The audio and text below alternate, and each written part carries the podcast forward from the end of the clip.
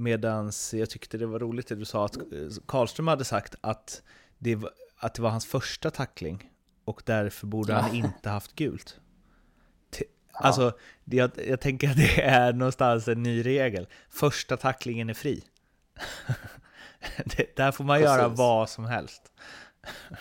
Ja. Det är väldigt konstigt resonemang. Ja, exakt. Det var ju, eh, det var ju ett, eh, vad är det man brukar säga, intellektuellt ohederligt resonemang. ja.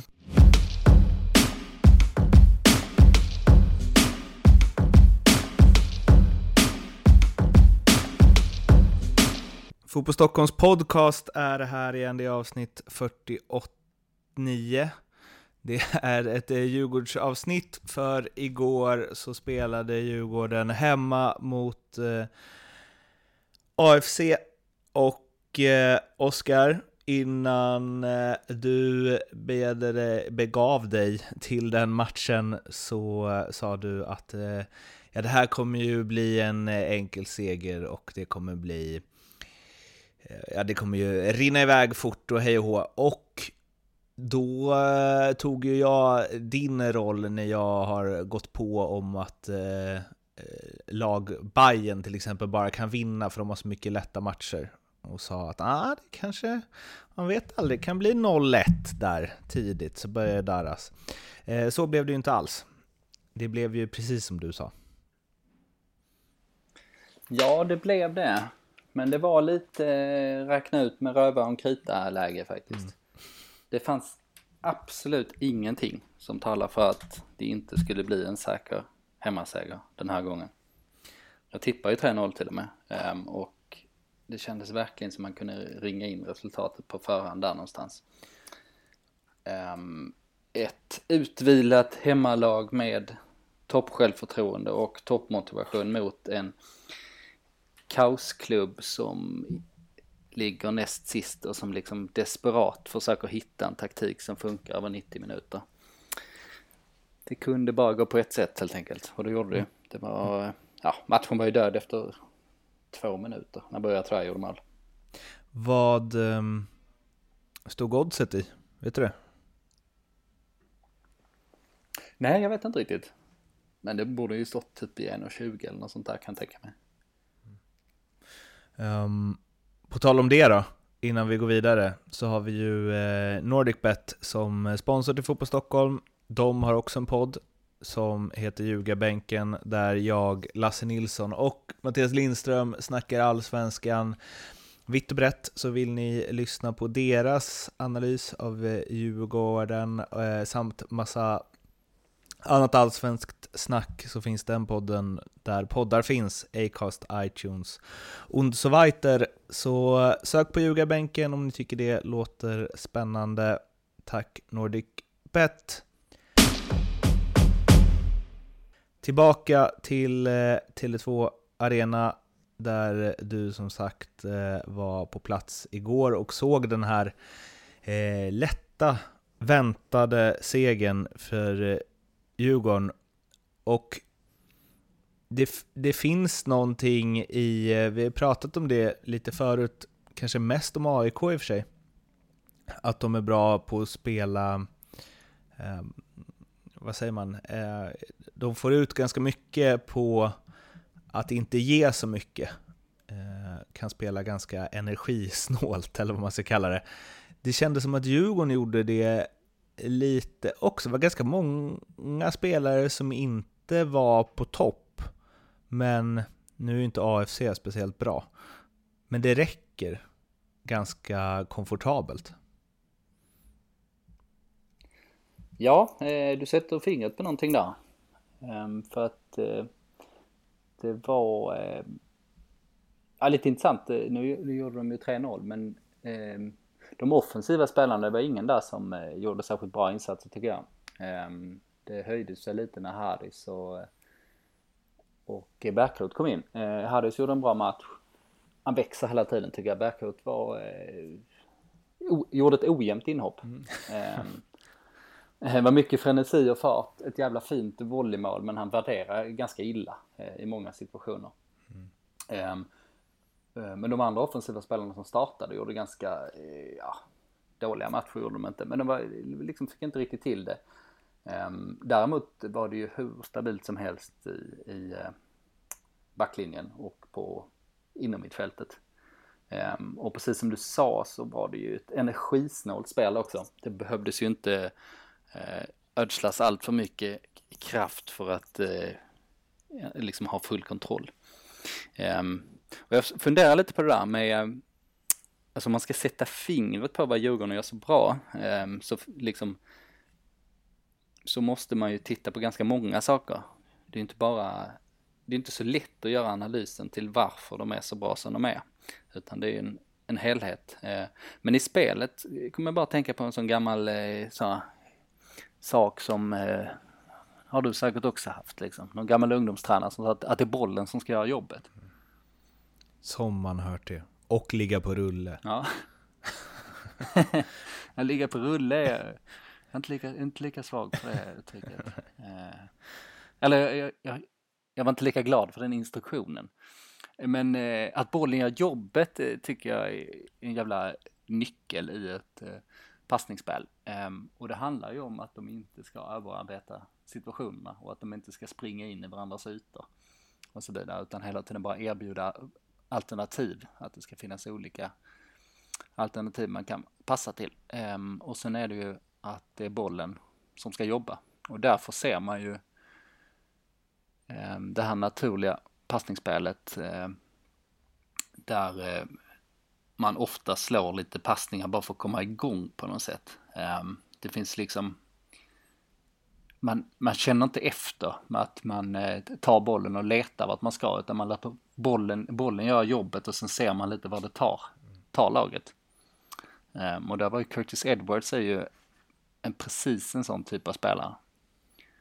Ehm, vi snackar om honom som den perfekta värvningen och, och, han känns ju som han har kommit precis rätt in i det. Det är liksom, det är noll omställningsperiod där. Graham Potter skolad ju. Verkligen. Um, och han är ju inte särskilt eh, snabb och inte särskilt stark. Och har ju inga spetsegenskaper som, som sticker ut sådär omedelbart. Men han, är ju eh, en extrem bollen gör jobbet spelare och eh, värderar hela tiden rätt. Vänder upp åt rätt håll. Eh, har liksom det här helikopterperspektivet hela tiden och, och eh, kan spela kort, kan spela långt men, men, men eh, gör det. Vinner i längden som vi snackar om. Mm. Men det du sa om ehm, eh, Bärkrots inhopp. Jag kommer att tänka på det, det här kan jag ha sagt förut, men jag tycker att det är en bra beskrivning av en spelartyp.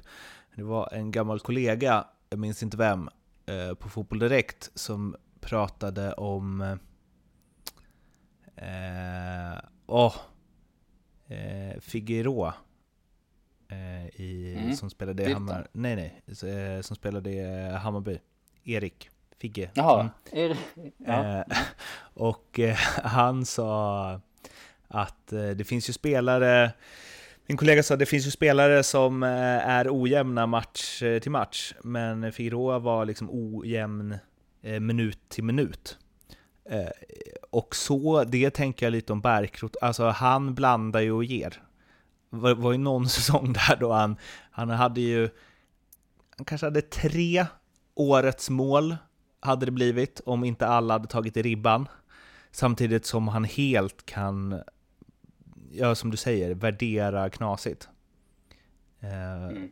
Vilket gör att han är en ganska rolig spelartyp att titta på. Men om man, om man håller på det laget han spelar i så är det ju en spelare som ger upphov till stor frustration.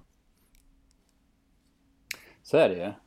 Um, vi snackar ju i något tidigare avsnitt om att om man slagit ihop Örja Turay och eh, Astrid, eller skrev jag det i en analys, då ja, hade man ju fått en världsklasspelare. Ja. Om de hade tagit sina bästa egenskaper.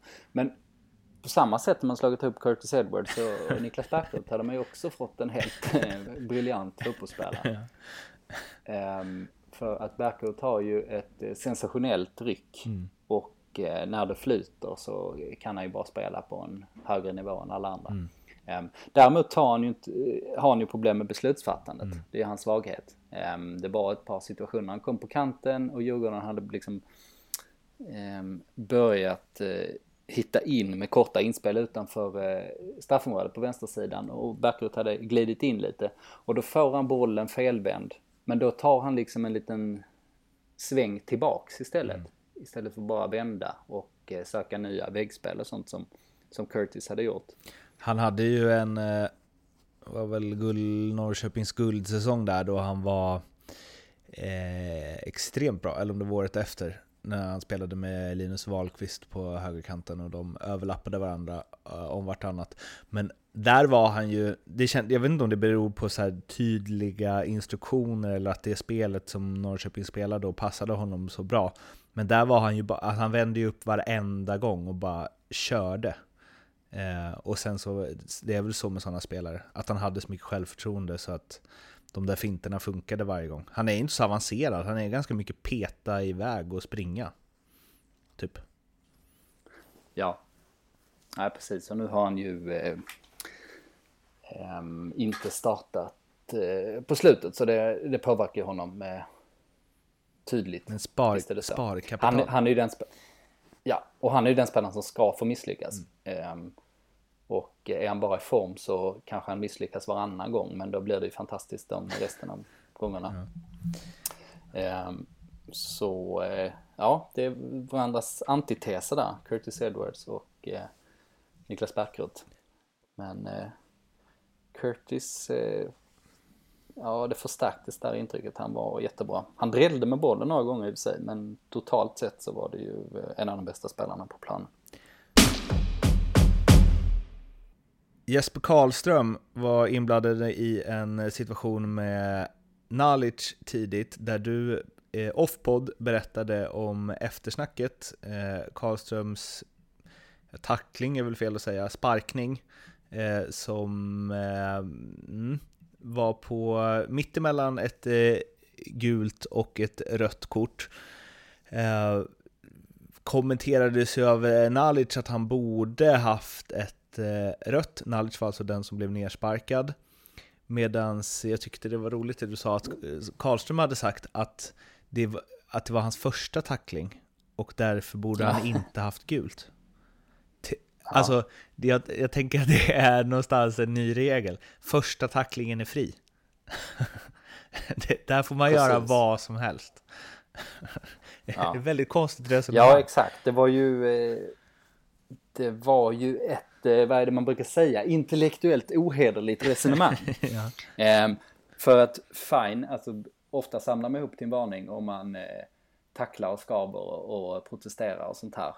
Eh, men det gick ju inte att använda på det här för det var ju en, eh, bara en nersparkning som du sa.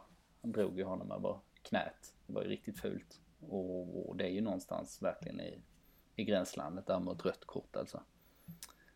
Um, jag kanske kanske tycker att det har varit lite hårt ändå. Men det, jag hade faktiskt inte protesterat om det blivit det. Det var ju det här orangea kortet. Mm. Men eh, ja, det är lite kul att se hur man eh, resonerar.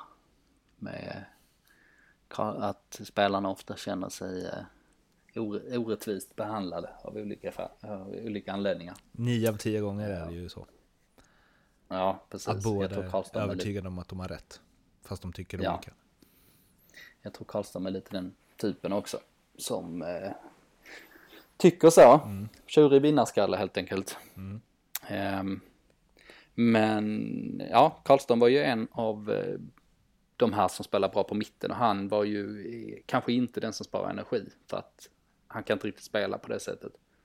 Om Une Larsson och Marcus Danielsson och eh, Curtis Edwards som vi nämnde att de eh, gick liksom på halvfart. På halvfart bara för att de inte behövde göra mer liksom. För att det var det bästa och ur ett kontrollperspektiv så Karlström brann ju mer och var inblandad i ganska mycket. Men han spelar ju eh, aldrig dueller och så vidare. Så kontrollerat. Eller hans sätt är ju att ösa.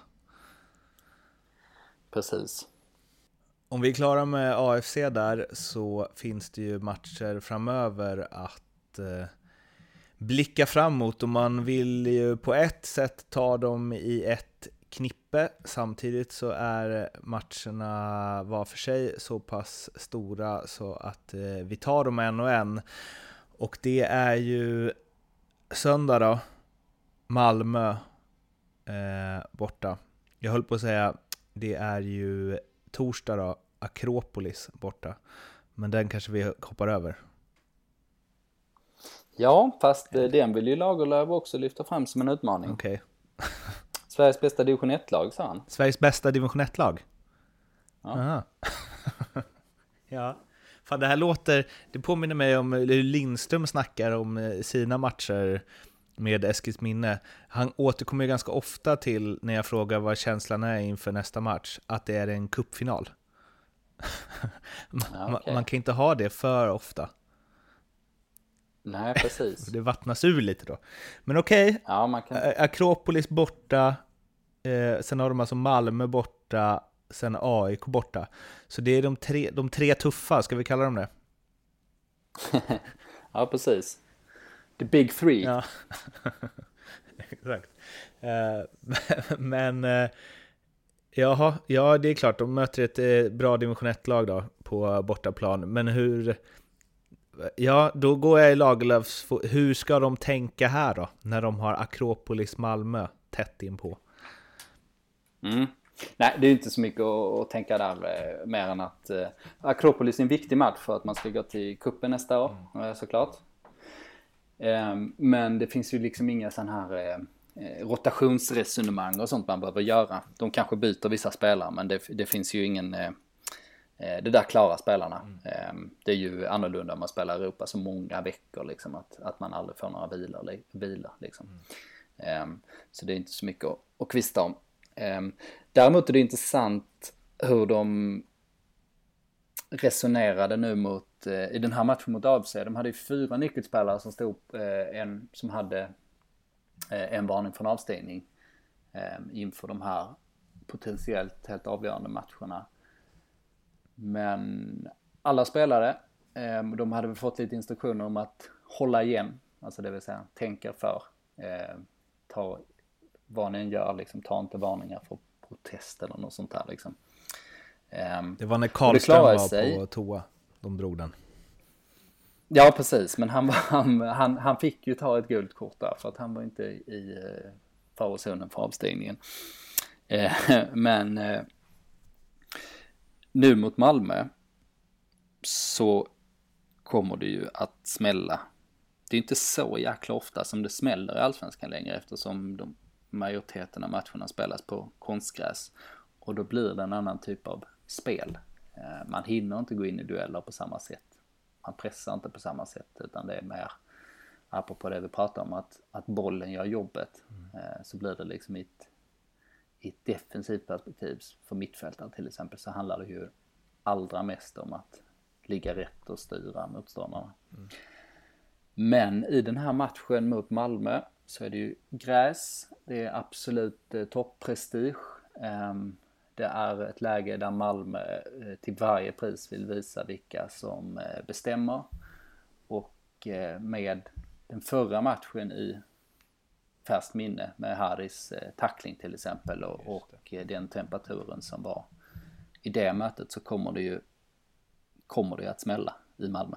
Ja men då har de ju sina fyra eh, spelare där som fortsatt riskerar avstängning sen i derbyt. Eh, så det finns ju en eh, risk där att de kommer eh, sakna eh, någon av sina nyckelspelare. Den är ganska stor kan man väl säga. Men det är ju å andra sidan, ja det kan man inte bry sig så mycket om liksom för att nu är det en match som är så viktig som den kan vara helt enkelt och då, då måste man göra allting för, för att vinna eller ta poäng. Du ska ju dit, är lite avis på dig, känner jag. För att det känns verkligen som att det kan... Åh, vad det här är upplagt för besvikelse när man säger så här. Men det känns som att det verkligen kan bli en värdig eh, seriefinal. Och... Um, Adin Nalic sa ju efter eh, matchen, han är ju utlånad från Malmö till AFC, att eh, MFF eh, är en klass bättre än i Djurgården och sa han att de kommer köra över dem. Ja, det gjorde han. I princip sa han väl det. Han hade ju, han är ju liksom i en bra sits för att säga sånt. Men han tillhör ju Malmö och eh, ja, har ju sin lojalitet där. Samtidigt som han är li- lite utanför betraktare också. Um, ibland kan man ju, ibland är det inte så smart liksom att brösta upp sig allt för mycket på förhand liksom. Mm. Um, det kan ju slå tillbaks mot det men Nalic kan ju strunta i det där. Mm. Um, så han, han hade en, ja, han var i en bra position för att säga en sån grej. Uh, men den är ju, det är ju så tuff utmaning som eh, Djurgården kan eh, stöta på såklart. Och eh, Malmö kommer att göra precis allt för att vinna den också. Det är liksom den typen av matcher som, gör, som Malmö brukar vara som bäst i kan man väl säga. Alltså, det är därför de har lyckats i Europa så många gånger att de, de, de brukar göra sina bästa prestationer när det gäller som mest helt enkelt. Ser du att de är favoriter också? Eh, ja, i den matchen är det ju inget snack. Eh, de är ju klara favoriter där såklart. Eh, eftersom de har hemmaplan och i grunden har de ju en, en starkare trupp också. Mm. Det behöver man ju inte ta i för att säga att det är klart. Liksom om man tittar på spelare på spelare så är det ju högre, högre kvalitet där. Är de så klara favoriter man kan vara om man ligger tre poäng efter dem man möter? Mm, ja. Efter 20 omgångar. ja, kanske. Men... Ja, det, ligger, det finns ju någonting i det såklart. Mm. Men å andra sidan, Djurgården är ju i superform, eh, harmoniskt, eh, självförtroende, kan eh, dessutom gå dit och vara jävligt eh, nöjda med en poäng. Eh, det är lite intressant att det är kanske är bättre med två poäng i de här matcherna än tre för Djurgården. Det vill säga att de eh, inte låter något, något av Malmö eller AIK ta en trea. Mm. Utan det kanske är bäst, bäst egentligen att kryssa i båda. Mm. Men och, så två kryss för Djurgården nu i de här matcherna vore ju eh, toppenresultat. Då har de ju verkligen chansen att vinna alltihop. Det finns ju ett Hammarby som också hade gillat det. Där bakom. Ja precis, och de är med och fightas men de stora konkurrenterna är ju Malmö och AIK mm. just nu liksom så om man, om man ska om man ska missgynna konkurrenter just nu så är det de två man ska, mm. ska titta på. Jag upptäckte en grej nu som jag inte hade koll på, jag vet inte om du hade det, men Djurgården har ju vunnit 13 matcher i år.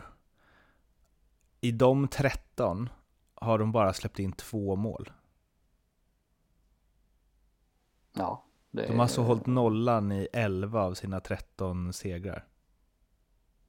Det är fan starkt. Eller liksom det... Ja.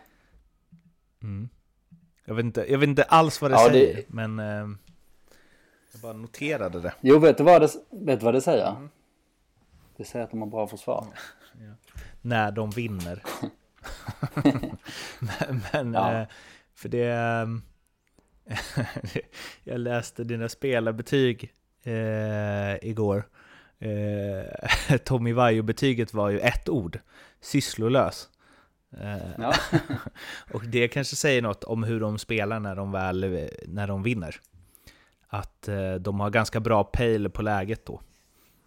Ja, verkligen. Eh, fem, raka, fem raka matcher utan eh, insläppt mål. Och eh, och man, som sagt, om man ska analysera varför Djurgården går så bra så är det många saker. Men det är ju självklart att eh, defensiven sitter ju så, så bra den bara kan. Eh, mittbacksparet är ju eh, det bästa i Sverige. Har ju varit det under sommaren. Eh, Jesper Karlström som säkrar upp på mitten och sen så två eh, ytterbackar som i och för sig bidrar nästan mer offensivt, åtminstone i de här matcherna. Men som eh, ja, får, spe, får spela på sina styrkor och som passar perfekt ihop.